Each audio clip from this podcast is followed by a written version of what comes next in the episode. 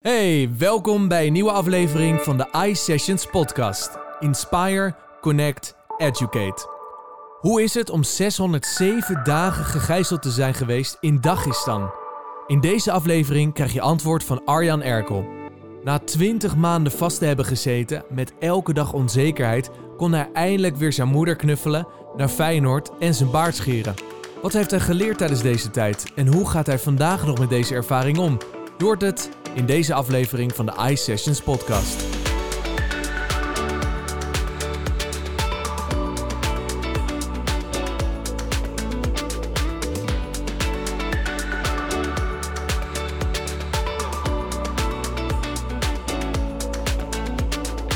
In 1994 kwam Arjan voor het eerst in contact met Artsen zonder Grenzen. De teams van Artsen zonder Grenzen komen in actie bij natuurrampen, noodsituaties in conflictgebieden en bij de uitbraak van ziekte. En ik vroeg aan Arjan, waarom ben je daar ooit begonnen met werken? Ik was gewoon een student eh, antropologie, dus ik hield wel van reizen, aardrijkskunde, geschiedenis. En een vriend van mij, die werkte bij Artsen zonder Grenzen. En die zei, in 1994 was een onwijze ramp in Rwanda, waren de Hutus en de Tutsis, Tutsis zich ja, aan het afmaken. 1 miljoen mensen in, in drie maanden tijd. En hij zei, ja, we hebben hulpgoederen nodig die heel snel gebracht moeten worden, die vriend van mij. Ik zeg, nou ja, uh, kan ik wel doen. Uh, oh, dat is goed. Nou, toen op dinsdag belde hij en op, op donderdag ben ik vertrokken. En toen pas raakte ik in contact met het werk van Artsen zonder Grenzen. En dat team wat ik ja, tegenkwam daar in Oeganda, ja. die zei, waarvoor ga je niet je eindstudeeropdracht daar doen? Uh, en toen dacht ik, ja, dat lijkt me wel hartstikke gaaf. En tijdens die opdracht in Oeganda, ik had echt een, een, een, zo'n zo'n kleine hutje en ik mocht ja, door, door die vluchtelingenkampen lopen en ik kwam ja. mensen tegen en ik vroeg hoe ga je om met die, met die situatie, dus de veerkracht en dat soort dingen. Was hartstikke gaaf en toen dacht ik, ja, hier wil ik mijn werk van maken. Dus zo is het gekomen. Ik had helemaal niet het idee van ik ben een idealist en ik ga bij Arts zonder Grenzen werken. En wat was het persoonlijke doel van Arjan? Wat wilde hij verbeteren of oplossen? Ik heb altijd in vluchtelingenkampen gewerkt, dus gewoon het leven van vluchtelingen. Dat ze, en en een beter medische zorg hebben, meer water, betere huisvesting. Dus dat soort dingen, dat vond ik gewoon leuk. En ik ben begonnen vanuit de logistiek. Mm -hmm. Dus dat is dan, uh, nou ja, zorgen dat, dat de medicijnen geïmporteerd worden, goed verdeeld worden. Uh, praten met de rebellenleiders.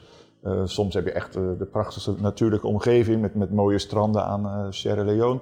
Dus het, het helpen van mensen, maar ook gewoon zelf nieuwsgierig naar andere culturen. Na in een aantal Afrikaanse landen werkzaam te zijn geweest, kan hij naar Dagestan.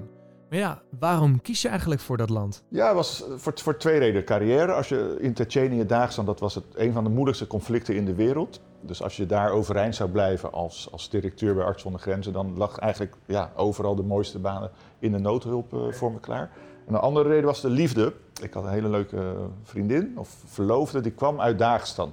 Dus als ik daar naartoe zou gaan, dan zou ik haar land leren kennen, haar familie. En dan zeker weten of ik wel of niet zou willen trouwen. En dan maken we een sprong naar 12 augustus 2002, de dag dat Arjan gegijzeld werd. Hoe verliep deze dag? Arjan vertelt. We waren gewaarschuwd, er is een, een, een ontvoering ga, ja, op teelt, laat ik het zo zeggen. En, en, wij wilden graag weten, ja, is dat op naar ons toegericht, waar komt dat vandaan? Dus ik, die dag zijn we eigenlijk voornamelijk met veiligheidsdiensten gaan praten. Uh, nou ja, en dat verliep gewoon goed en mensen waren nou ja, van willen jullie extra beveiliging? Moeten we beveiliging op straat uh, verhogen? Nou ja, dus dat ging goed. En om een uur of ja, uh, negen had ik gegeten bij mijn schoonouders en, en, en mijn vriendinnetje. En toen dacht ik, ga naar huis, want uh, als, je, als je ontvoerd wordt, dat gebeurt vaak s'nachts. Dus voor het donker moesten we thuis zijn. Ik, ik rijd naar huis. En, en, toen werd de auto tegengehouden. Nee, dus zat, ik, ik, ik zat naast de chauffeur in een, in een Ford Transit busje, dus ik zat toch een beetje hoog. Nou, en we reden misschien 15 meter weg vanaf waar, waar we vertrokken. Toen kwam er een auto voor ons staan, dus dat was al een beetje raar. Nou, en dan zag ik het grote licht aangaan en denk, hmm.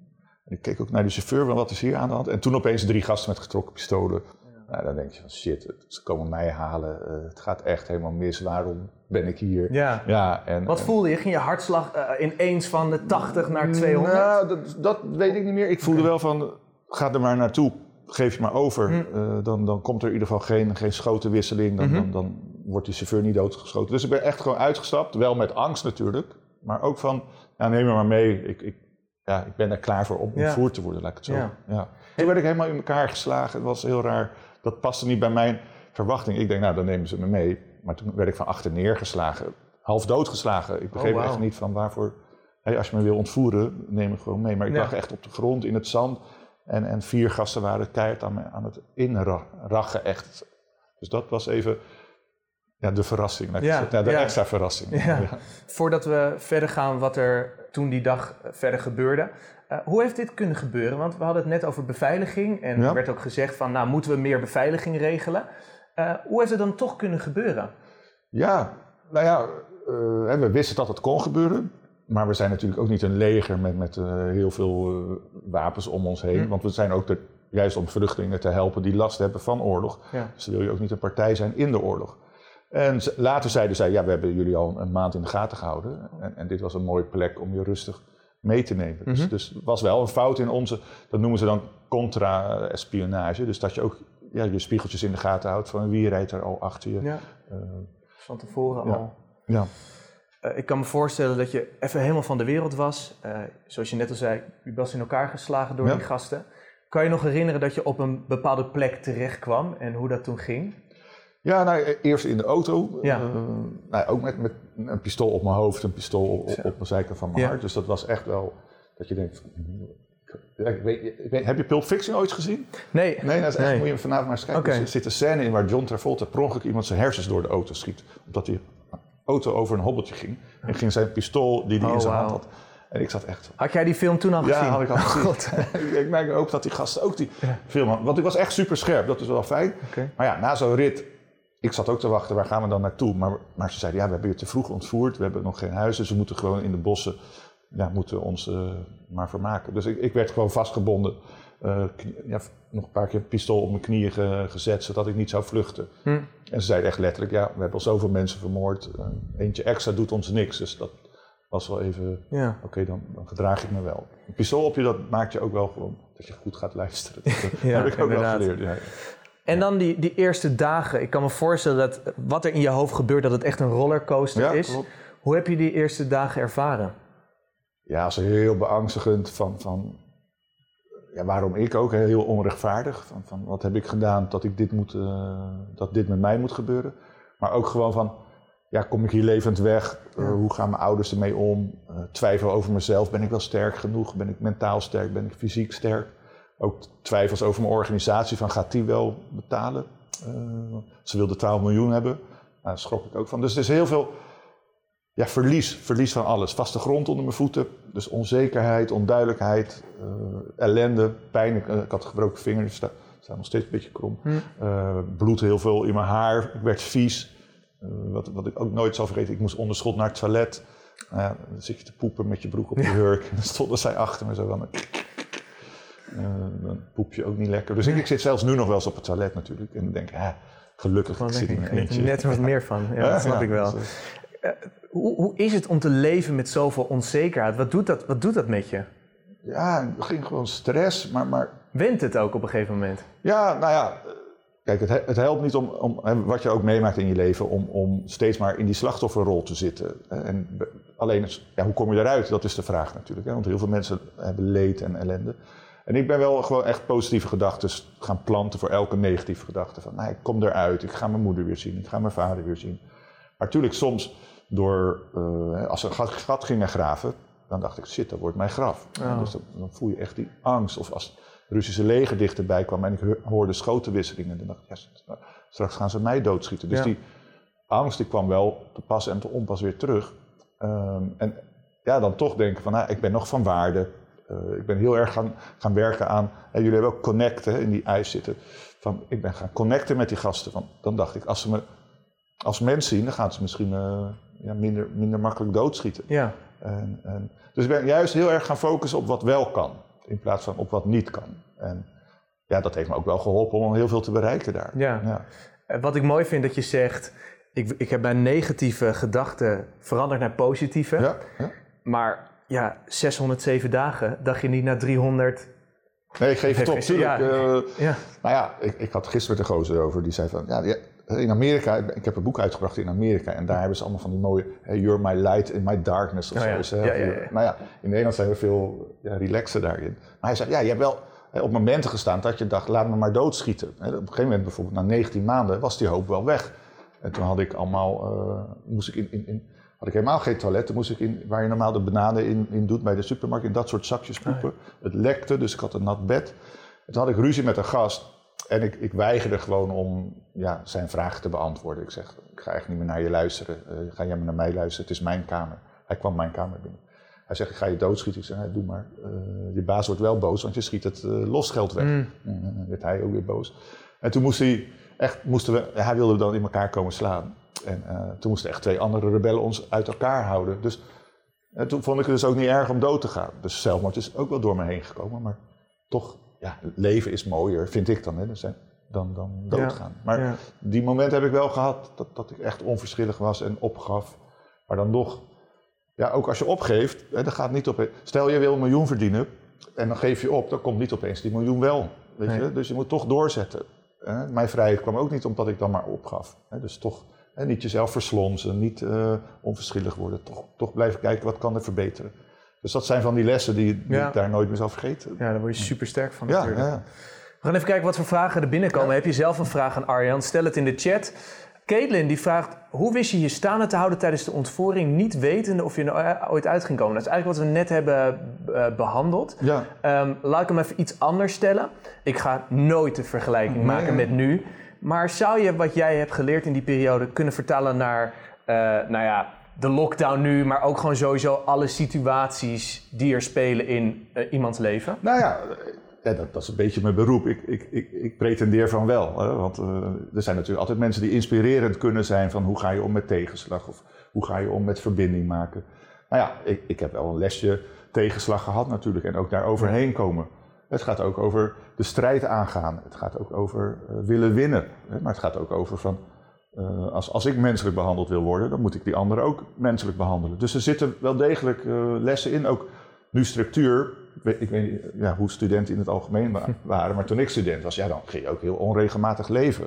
En zo'n leven nu in de lockdown, dat maakt dat alleen maar erger. Dan, ja. ga je, dan hoeft toch niet naar school en online ziet ook niemand of dat ik wel of niet meedoet. Nou, dan ga je misschien nog meer gamen, nog meer blowen, nog meer drinken, nog later opstaan. Nou, en ik heb daar wel geleerd, bijvoorbeeld structuur is toch ook wel handig om die vast te houden. Hè? Wat ik net zei, als ik mijn tanden niet ging poetsen, ja, de enige die er last van had was ik. Ja.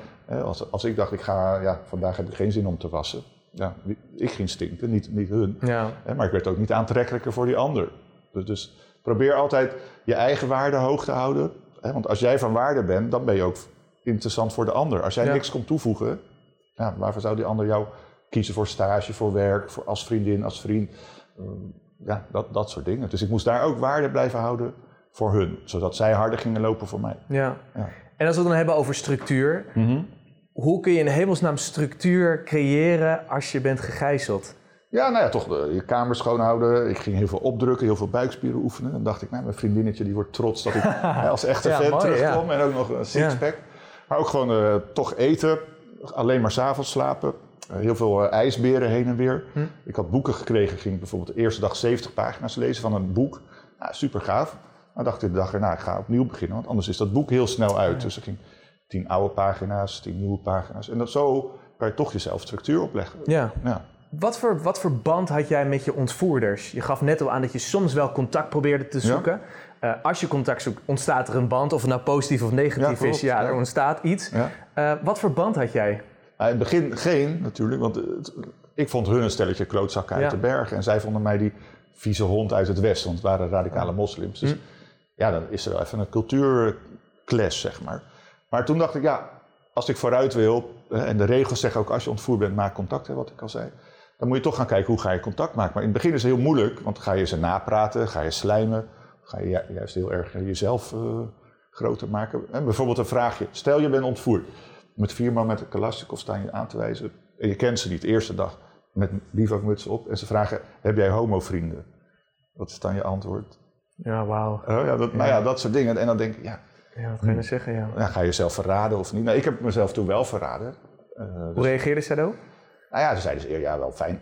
Maar ze geloofden het ook niet helemaal, want in, nou, zij denken, het hele Westen zit vol met homo's, zeg maar. Ah, ja. En toen wilden ze ook dat ik moslim werd. En toen dacht ik, nou, dit gaat echt te ver. Toen heb ik gezegd, ik ga echt niet mijn afkomst onder druk opzeggen. Dat vonden ze wel stoer. En toen heb ik ook gezegd, ja, ik heb één vriend van mij, Bas, die is wel homo. Mhm. En die vonden ze eigenlijk helemaal niet zo'n zo ramp. Dus, en dan zie je dat je vaak, hè, dat is ook, ik, ik noem dat ontgijzelen. Vaak ben je zelf je grootste tegenstander door onzeker te zijn of bang te zijn voor iets. Of uh, verlegen, ik noem maar iets, of te denken ik kan het niet, niemand zit op me te wachten. Heb je wel eens met ze gelachen? Ja, maar, nou, op een gegeven moment, eh, jij vroeg hoe gaat het. Heel langzaam ging het steeds beter, maar dat kan op, op veiligheid. Eh, ik heb een keer een pistool teruggegeven toen een pistool lag te slingeren. Als zij een bivakmuts zaten, eh, waren vergeten, zei ik zet even je bivakmuts op. Dus dat ik geen gevaar werd voor hun. Voordat je verder gaat, sorry Ja. dat ik je onderbreek. Nee, ga je gang. Je vindt een pistool. Ja, Heb je geen enkel moment gedacht, ik doe het gewoon en ik schiet die gasten ja helemaal natuurlijk af? wel. Ik ga ze allemaal Waarom heb je het uiteindelijk dan niet gedaan? Nou ja, omdat het was... Ik, zou twee maanden zou het duren, zeiden hun. En dat pistool vond ik na zes weken. Maar toen ik het vond, dacht ik, ja, tuurlijk, wauw, gaaf. Er zaten twee magazijnen met 60 kogels bij. Ik denk, nou, vier gasten, gaat me echt wel lukken. Ja. Maar ja, toen dacht ik, ik heb nog nooit een pistool in mijn handen gehad. Ah, ja. Kan- ik, ja, straks kom Stel ik dat het mislukt. Ja, ja, ja. ja. Nou ja, en dat, het duurt, is nog binnen die twee maanden. Dus dat zou ook zonde zijn. Wil ik iemand vermoorden? Dat ging er allemaal door me heen. Toen klopte ik op de deur en ik had ze allemaal bijnamen gegeven om het menselijker te maken. Toen deed net de aardigste, slimste man open, eh, professor. Dus ik, lag in de douche. Nou, en ik denk, nou, weet je, eh, pak dat pistool maar. En dan scoorde ik wel weer punten van, Ja. hey, die gast is te vertrouwen. Dus heel langzaam maar zeker, nee, gelachen. Het beste voorbeeld is denk ik, er was, op een gegeven moment mocht ik televisie kijken van hun, na, na heel veel maanden. Mhm. En er was een serie, die was super gaaf. En na, en na elf afleveringen van de twaalf kwamen de geruchten dat ik naar huis mocht. En toen dacht ik, ik wil nog even wachten tot die serie afgelopen is. Heel Zo, Ah, zo diep zat ik in die serie. Dus Ja. er waren ook wel op een gegeven moment momenten van ja, ontspanning. En, en, eh, Wat is het verhaal geweest dat jij hebt gebokst met de rebellenleider? ja, dat is echt. Want ja, dat is heb je ook gedaan. gebeurd ik, hoor, ik hoorde dit verhaal, ik heb het gelezen ergens in een interview of ik hoorde het in een podcast, ik weet het niet meer. En ik dacht echt dat je dat hebt gedaan. Kan je eens vertellen wat er, eh, wat er toen gebeurde? Ja, dat is wel een, een best wel lang verhaal. Maar kijk, die, die- je had het net over die spanning. Hè, van, van wanneer ben je bang, wanneer ben je niet bang. Nou ja, zij wilde graag met mij boksen, want ik had verteld, ik heb op boksen gezeten, taekwondo gezeten. Nou, zij kunnen ook allemaal heel goed vechten. Dus nou ja, ik ga maar tegen de baas vechten. Ik denk, ja, straks krijg ik klappen en Mhm. dan verlies ik het respect. Of als hij klappen krijgt, verliest hij misschien het respect van zijn groep. Ja. Dus er was niks Ja, dat mij te halen. Dus ik begon er eerst een beetje onderuit te, ja, te praten van... Hey, je bent de kampioen van Rotterdam en eh, straks moet ik jouw stoel innemen of jouw plek innemen. Hij zei, nou maak je geen zorgen. Ik zei, nou ja, ik- wil niet dat je gezichtsverlies hebt. Hij zei, nee, dat heb ik echt niet. Hoeveel mensen heb je al vermoord, vroeg hij. Ik zei, nou ja, nul. ja, hij zei al 27. Dus ik zat echt van, ik heb geen zin in op mijn kamertje te balen van hoe kom ik hier tussenuit. Straks een blauw oog. Maar ja, we moesten wel. We stonden tegenover elkaar. Nou, en ik, ik durfde hem niet te slaan. We hadden geen bokshandschoenen of zo aan. Hè. En, en hij had een zwart pak en een zwarte bivakmuts. In het donker stonden we buiten. En ik denk, nou ja, ik wacht wel even af totdat ik een keiharde klap op mijn ogen kreeg. Echt zo'n klap waarvan je sterren krijgt, eh, sterretjes ziet. En, en ik denk, nou, ik ga toch ook maar terug. Toen hebben gewoon echt alle techniek vergeten. Die gast keihard op zijn hoofd geslagen een paar keer. Toen zei hij, ja, ja, ja, laat- ga maar terug naar je kamertje. Eh, je hebt laten zien dat je kan boksen. En ik was echt trots. Van Ja. wauw, gaaf man. Ik heb die gast eh, durven slaan. En leverde dat uiteindelijk ook meer respect op? Ja, want hij, hij kwam naar me toe met een spiegel. Hij zegt, ja, ik wil even laten zien dat ik je geraakt heb. En dan kon ik het zien natuurlijk. Maar toen deed hij heel mooi zijn bivakmuts opzij. En toen had hij, had hij ook een blauw oog. Wel kleiner dan ik. Maar hij gunde wel mij ook die overwinning. En, eh, Tja. dus dat soort dingen. Dat, ja, het ging allemaal heel langzaam. Maar dat, het woord vermannen en een beetje ja, voor jezelf opkomen... heb ik daar ook wel meer geleerd natuurlijk. Ja. Ja. Even kijken welke vragen er binnenkomen. Willem die zegt, wist je al veel van de cultuur? Ja, dat scheelde wel. Ik, nou ja, eh, ik, kende de, en de Sovjet-cultuur. En, en mijn vriendin kwam uit die regio, Ja. dus ik wist wel dat het, nou ja, dat het wat, wat meer macho was dan ik. Hè. Geen tranen laten zien. eh, nou, proberen tot op zekere hoogte je afspraken na te komen. Maar ook voor jezelf opkomen. Want zij kwamen ook voor hun cultuur op. Dus dat hielp. En ik sprak Russisch, dus, dus dat ging ook wel. eh, dat hielp natuurlijk ook in de communicatie. Ja, inderdaad. 11 april 2004, de mannen refereerden er al aan, werd je na 607 dagen vrijgelaten. Hoe verliep die dag? Ja, eh, nou, de dag ervoor hadden, hadden ze al eh, gezegd, we gaan je overhandigen naar een andere groep. Dus dat was echt eh, voor mij heel, heel, heel spannend, want ik wilde graag bij diezelfde groep blijven. Maar toen hadden we al in de auto gezeten, een rondje gereden. En toen was er ja, blijkbaar iets niet goed gegaan. Dus we moesten weer terug naar de schuilplaats. Dus die dag mocht ik mezelf ja, voorbereiden op, op, op, ja, op de overhandiging naar een andere groep. Dus ik mocht douchen, ik mocht scheren, eh, schone kleren aan. Eh, nou, toen in de nacht zeiden ze, ja, nu gaat het gebeuren. Eh, je moet daar nog ongeveer drie maanden blijven. Dus ik heb daar afscheid genomen van sommige van die mannen, hè, want die heb ik twintig maanden gezien. Toen werd ik in een kofferbak gelegd van een auto. Mhm. En, en ze zeiden, ja, voel je niet beledigd, het is een hele grote kofferbak. Dat zijn echt, ja, dat zeiden ze echt. En, maar ja, ik zat daar natuurlijk ook vol angst van waar gaat, gaan we heen man? En wat doe je nou? En, en kom, ik, kom ik hier levend uit? En, en toen werd ik ja, ergens in een kelder of vlakbij een kelder dacht ik eh, losgelaten. En er waren twee gasten zonder bivakmutsen. Dus die, die hadden echt eh, hele ongure gezichten. Dat ik dacht Mm. van, nou, die zijn niet bang om hun gezichten te laten zien. Die gaan me doodmaken. Maar die zeiden, ja, je bent vrij. Ik zeg, vrij? Ja, je bent echt vrij. We hebben een militaire actie, hebben jou bevrijd. Ik zei, nou, ik ben gewoon in de kofferbak gelegd. Dus ik geloofde het helemaal niet. En, en ik was echt nog steeds ja, gewoon gespannen. Want wat gaan ze me verkrachten? Gaan ze me mishandelen? Dat, ja, dat zou ook kunnen gebeuren natuurlijk. Mhm. Maar toen kwam er een beetje dikke rust met, een- met een telefoontje in zijn hand. En eh, was de Nederlandse ambassade aan de lijn. Oh. En die zeiden ja, een beetje zo'n beetje kakker van, oh, nou we gaan je ophalen met een vliegtuig. Maar ja dat, ja, dat klinkt altijd lullig, maar het was echt gaaf dat je dan gewoon opeens vrij bent. En toen was het ook nog paasdag. Ja. Nou ja, en dat is natuurlijk een soort wederopstanding van Jezus. En ik had ook zo'n megabaard Ja. van onder de grond. Dus ik vond het ook een hele mooie symboliek. Ja, inderdaad. Ja, ja, Hoe was de eerste omhelzing met je moeder? Ja, echt grandioos. Jij zei het al. Ik, eh, ja, ik zat in een vliegtuig naar Nederland toe. En ik wist natuurlijk niet wat er ging gebeuren. Ik wist wel, ik wilde grond in ieder geval kussen. En ik, ga me, ik had mijn vader al gezien, dat was echt mooi. En, en eh, ja, dus ik op 16 over geland. Eh, Want ik was bang, straks gaan we in Amsterdam landen. En dan ja, kan ik daar niet de Rotterdam grond het, kussen. nee. Nee, nee. en eh, ja, dus ik loop zo naar beneden en ik zie mijn moeder staan. En, en zij had gewoon een gelukzalige glimlach op haar gezicht. En haar armen waren echt Ja. zo lang geworden. En, en ja, dus haar zoon kwam weer terug. En, en toen ik zag mijn moeder weer, dat was echt zo mooi. Dat had ik echt nooit vergeten. Dat, dat, Hoe rook ze? ja, dat, dat, dat weet ik, want je ruikt natuurlijk eh, kerosine en zo. Maar ja, het was gewoon echt mooi. En eh, ik weet nog ook, hè, mijn zus was daar. Eigenlijk wilde mijn broertje me omhelzen, maar mijn zus die sprong voor, die wilde me omhelzen. En mijn andere broer was daar. En ook een lange man. En ik denk, nou, wie is dat? Dan geef ik ook een hand. Zei mijn zus, ja, weet je wie dat is? Ik zei, nee. Maar ja, dat is eh, Ben Bot. Oké, wie, is, wie is dat dan? Ja, het is de minister van Buitenlandse Zaken. Ik zei, ja, leuk dat hij er is. Ja, die heeft je losgeld betaald. Ik zei, oh, dan krijgt hij nog een hand, weet je wel. Ja, want ik wist natuurlijk ook niet wie, ja, wat allemaal gebeurd was, wie zich had ingezet. En mensen verwachten dan van, ah, hij zal wel alles weten, maar ik kwam net van onder de grond, echt Ja. letterlijk. Ja. Weet je uiteindelijk wel hoe je vrij bent gekomen? Hoe dat uiteindelijk is geregeld? Ja, dus er zijn eh, ja, natuurlijk toch contacten gelegd met die gasten die mij vasthielden. Ja. Dat hebben, nou ja, en, en FSB-agenten, dus wat vroeger de KGB was, en ex-KGB-agenten gedaan. Nou, die hebben wel gewoon losgeld de bergen ingebracht. Hm. En, en ik ben toen losgelaten. Bijzonder. Ja. Heel bijzonder. ja, en ik zal die mannen, blijf ik natuurlijk voor eeuwig dankbaar dat ze Ja. ja. met het risico van hun leven met geld de bergen ingaan. Voor hetzelfde geld was en ik doodgeschoten en hun ook natuurlijk. Ja. Vragen die binnenkomen. Kato die zegt: Heb je het gevoel dat je veel hebt gemist? Nou, we hebben net bij Kenneth en Andor wat vragen voorbij Ja. zien komen met dingen die je echt hebt gemist. Eh, heb je het gevoel dat je veel hebt gemist? Nee, niet, echt. Anderhalf jaar is, is blijkbaar niet lang genoeg om. hè, s- Soms weet ik wel, wat is de, de zomerhit van 2003, die heb ik gemist. Maar ja, ik weet nog steeds niet wie het is, maar blijkbaar niet zo'n grote zomerhit. Tuurlijk, er zijn mensen geboren, dood gegaan, maar niet, bij mij niet dood gegaan in ieder geval. Nee. Nou, sommige nieuwe automerken zit je even te kijken van, eh, wat, wat is dat dan? Maar niet, nee, geen hele grote dingen.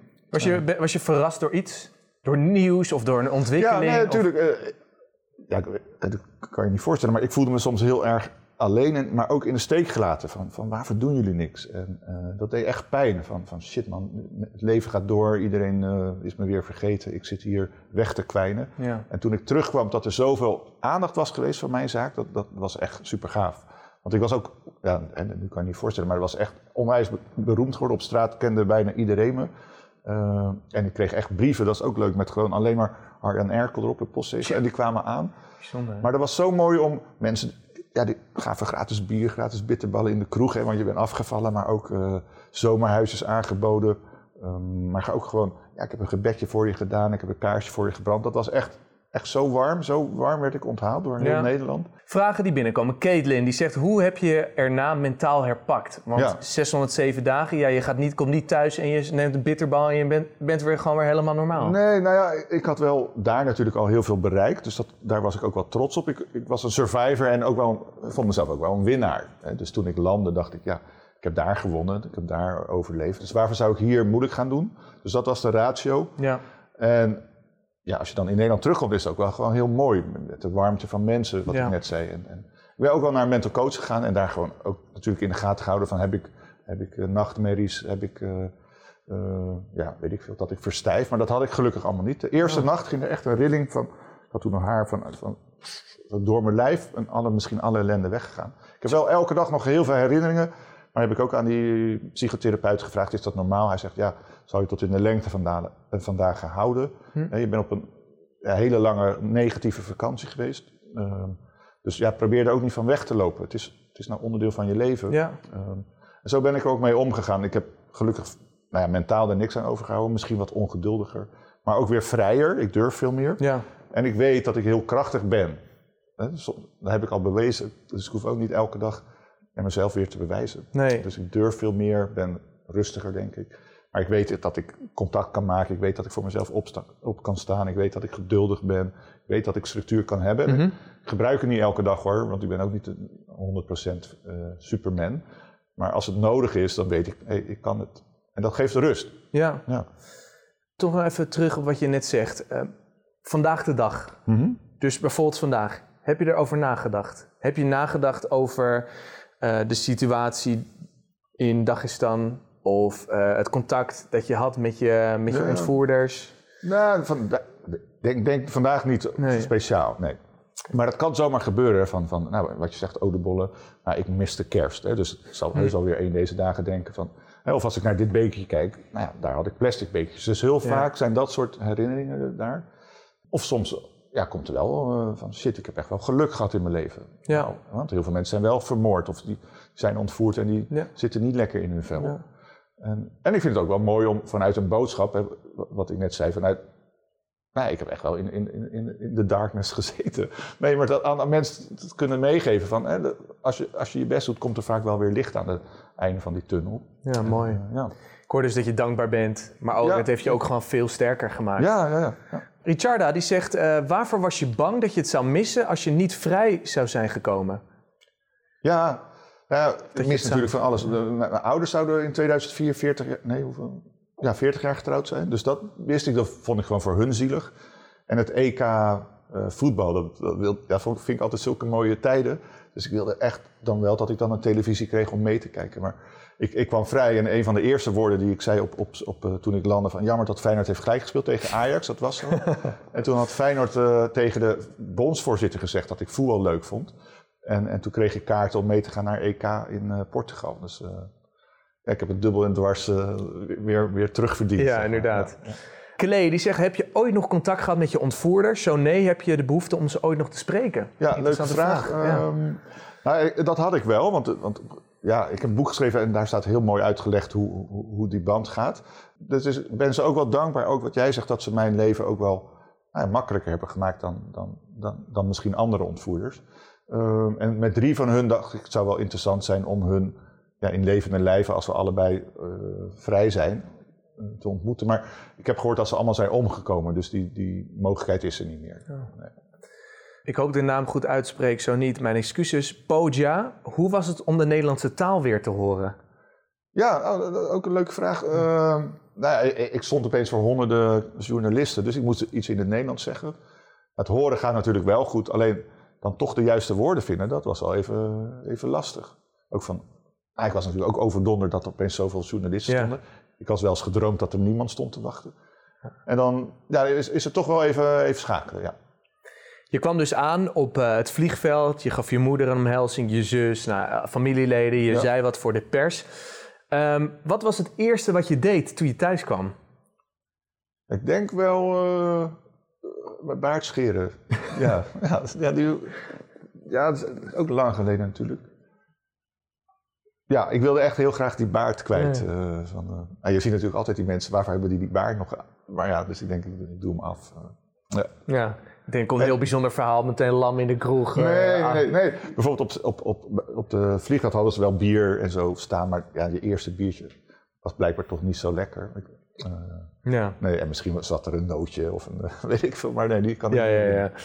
Nou, je hebt na je vrijlating veel gedaan. Je zei het net al, je hebt boeken geschreven, uh, je geeft lezingen, maar je hebt ook de stichting Free Your Girl ja, opgericht. Uh, deze stichting richt zich op het stoppen van kinderprostitutie. Ja. Waarom heb je deze stichting opgericht? Waarom vond je dat zo belangrijk? Ja, nou, nou, toen ik er voor het eerst van hoorde, dacht ik, jeetje man, dat dit, dat dit gebeurt. Echt kinderen van 9, 10 of 11, eh, die, die, die nou ja, gewoon uh, in, in, een bordeel werken. Ja. Ontvoerd worden ook, vaak onder valse voorwendsels ergens terechtkomen. En toen dacht ik, ik ben altijd zo blij geweest dat andere mensen zich hebben hard gemaakt om mij vrij te krijgen. De overheid, maar ook arts zonder grenzen, familie, vrienden, onbekenden. En, en ik weet wat het is om ja, in een hokje te zitten. Gelukkig ben ik nooit verkracht, maar ik weet ook dat ik mijn moeder miste. Dat ik dacht van wanneer mag ik weer naar huis? En die kinderen verdienen ook gewoon een, een, een, thuis weer en een tweede leven. En toen dacht ik, nou hier wil ik mijn hart voor maken. Zorg dat zij ook weer naar huis gaan. Dat, dat ze weten dat ze ook meetellen. Ja. Dus dat was voor mij echt wel... Uh... Your Goal gaat best wel goed, toch? Jullie hebben heel veel mensen kunnen helpen. Volgens mij is Jolante ook aangesloten, Ja, dus samen met Jolante. Dus ik heb met Jolante en dan Evelien en Roelof hebben we het samen opge opgericht. We zitten hier in Haarlem ook, het kantoor is in Haarlem. Ja, we hebben al meer dan 4500 meisjes uh, bevrijd. Dus echt, moet je voorstellen, het zijn echt miljoen meisjes die, die worden misbruikt, worden verhandeld. Maar elk leven is toch weer een, een, een nieuw leven wat zij kunnen gaan leven. Ja, dus, inderdaad. Uh, dus freegirl.nl, uh, even doneren. Absoluut, gaan we zeker doen. We hebben een kijkersvraag en de kijkersvraag die is van Lisa. Hey Arjan, ik ben Lisa. Ik ben student op de hogeschool in Holland in Haarlem en ik heb een vraag voor jou. Um, jij hebt bijna twee jaar lang in een onmenselijke situatie gezeten, waardoor je bepaalde dingen of bepaalde doelen niet hebt kunnen bereiken. Wat is nog één ding wat jij absoluut nog in je leven wilt bereiken? Eh, vrijheid is voor mij heel belangrijk. Dus ik wil ooit nog een heel groot vrijstaand huis in het midden van Rotterdam hebben. Nou ja, dat is bijna onmogelijk, maar als dat uh, zou lukken, dan uh, ben ik helemaal tevreden. Is dat dus, echt? Wil je niet nog een, nou ja, je zei Amerika, Nee, er zijn andere, maar dat zijn middelen om daar te komen. Nee, het lijkt me hartstikke gaaf om lezingen te geven in Amerika, om een bestseller. Ik heb, nou, dat boek werd gelijk bestseller op Amazon, dus dat is hartstikke gaaf. Ja. Maar dat was alleen het e-book, nou moet nog dat, dat harde boek. Nee, dus wat ik doe moet ook wel lukken natuurlijk, maar dat doe je ergens voor. Uh, en dat wordt dus dat vrijstandhuis. Ja, dat, dat, dat, Onbegrijpelijk. Nee, onbegrijpelijk. nee, ja, vanuit vrijheid. Mooi streven, ja. ja. Nou, is toch goed? Nee, natuurlijk. Dus alles wat ik erbij doe, hè, dus ik kan zeggen, ja, ik wil kinderprostitutie uit de weg. Of, uh, dat wil ik ook allemaal. Maar dat doe je ergens voor, omdat je iets wil bereiken. En dat is heel, misschien heel kinderachtig, maar ik, ik, dat is altijd mijn droom geweest. Ja. Ik hou van Rotterdam, ik hou van vrijheid. Ja. Dus als, ja, waarvoor doe je het dan allemaal? Ja. ja gewoon daar. Wanneer moet het gaan gebeuren? Ja, liefst zo snel mogelijk. Volgend jaar. Volgend de bitcoin gaat omhoog. Uh, oh ja, ja. ja, heb je veel bitcoin? Ja, een paar. Uh, oké, nou dat wordt interessant dan. En, en, uh, dan zal ik nu wel even naar je appje kijken. Oké, oké. Okay, okay. um, uh, zometeen heb ik nog een, een verrassing voor je als spreker bij de Ice Sessions. Voordat we naartoe gaan wil ik graag willen weten, wat zou je tegen jouw 20-jarige zelf willen zeggen? Nu met de gedachten, met de ervaringen die je nu hebt. Ja. Wat zou je willen zeggen? Nou, durf te leven, zeg ik altijd. Hè. Je hebt maar één leven en maak daar echt zelf het mooiste van. Ga niet op anderen zitten wachten. Wees echt de baas. Je hebt vrijheid van keuze om te kiezen. kies dat wat jou het meest vooruit helpt. Ja. ja. mooie boodschap ook voor de studenten van Hogeschool in Holland bijvoorbeeld. Ja, nou ja, heel veel mensen gaan toch zitten wachten, uh, zitten zeuren. Uh, andere mensen, andere situaties de schuld geven. Maar je bent er altijd zelf bij, je hebt altijd heel veel invloed. Uh, pak die ook. Ja. En dan komt er echt heel veel...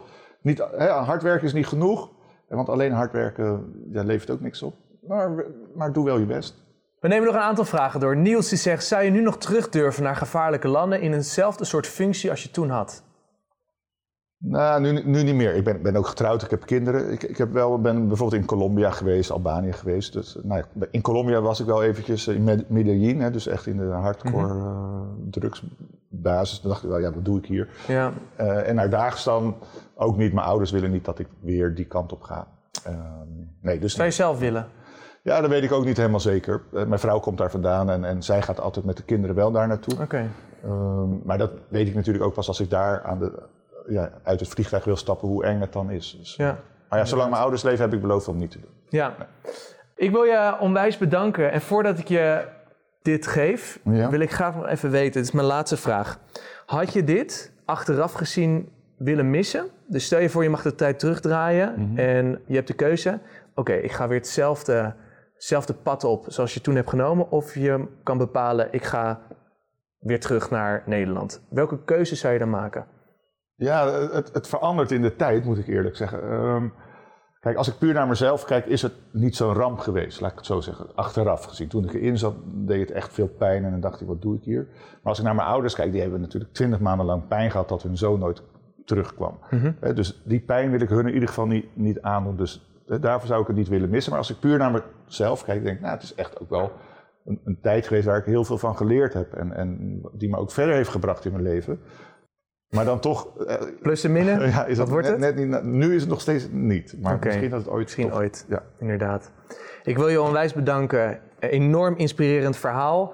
Fantastisch wat je doet met de, de stichting Free Your Ja, Girl. dankjewel. En eh, elke spreker krijgt eh, ja, een onwijs bijzonder cadeau. Ik ben heel erg benieuwd waar die terecht gaat komen. Dat is namelijk een oorkonde voor inspirerend spreker. Nou, nou, is toch super gaaf? Alsjeblieft. waar gaat die terechtkomen, denk je? Gewoon aan de muur in de woonkamer. Oké, heel goed. Ja. Dan kan je er dagelijks eh, Ja, naar kijken. ja. En ik denk, eh daar staat hier toch een fles en we gaan richting eh, de kerst lekker, toe. Laten, we hem, eh, laten we hem open doen. Ik hoop dat het Leuk, een, eh, of de een popper is. nog aanstaan. Is dat mooi? Ja. Nou goed, deze gaan wij ontpoppen. Hoe gaat eh, je kerst en eh, oud en nieuw eruit zien? Weet je Ja, we al? zijn nog een beetje aan het stemmen. Oh, voorzichtig. Schrok iemand daar? In ieder geval eh, één dag naar mijn ouders en de rest zal toch rustig thuis zijn. Misschien een beetje wandelen. Inderdaad. Maar ook weer, eh, ook voor nu, zoek ook daar de mooie dingen in op, hè? In, in deze tijd. Er zijn Inderdaad. mooie dingen voor het oprapen. Yes, bedankt voor het luisteren naar deze aflevering van de iSessions podcast met Arjan Erkel. Volgende maand zijn we er weer en wil je meer informatie en bijvoorbeeld de andere afleveringen bekijken of beluisteren? Check dan startupcampushaarlem.nl.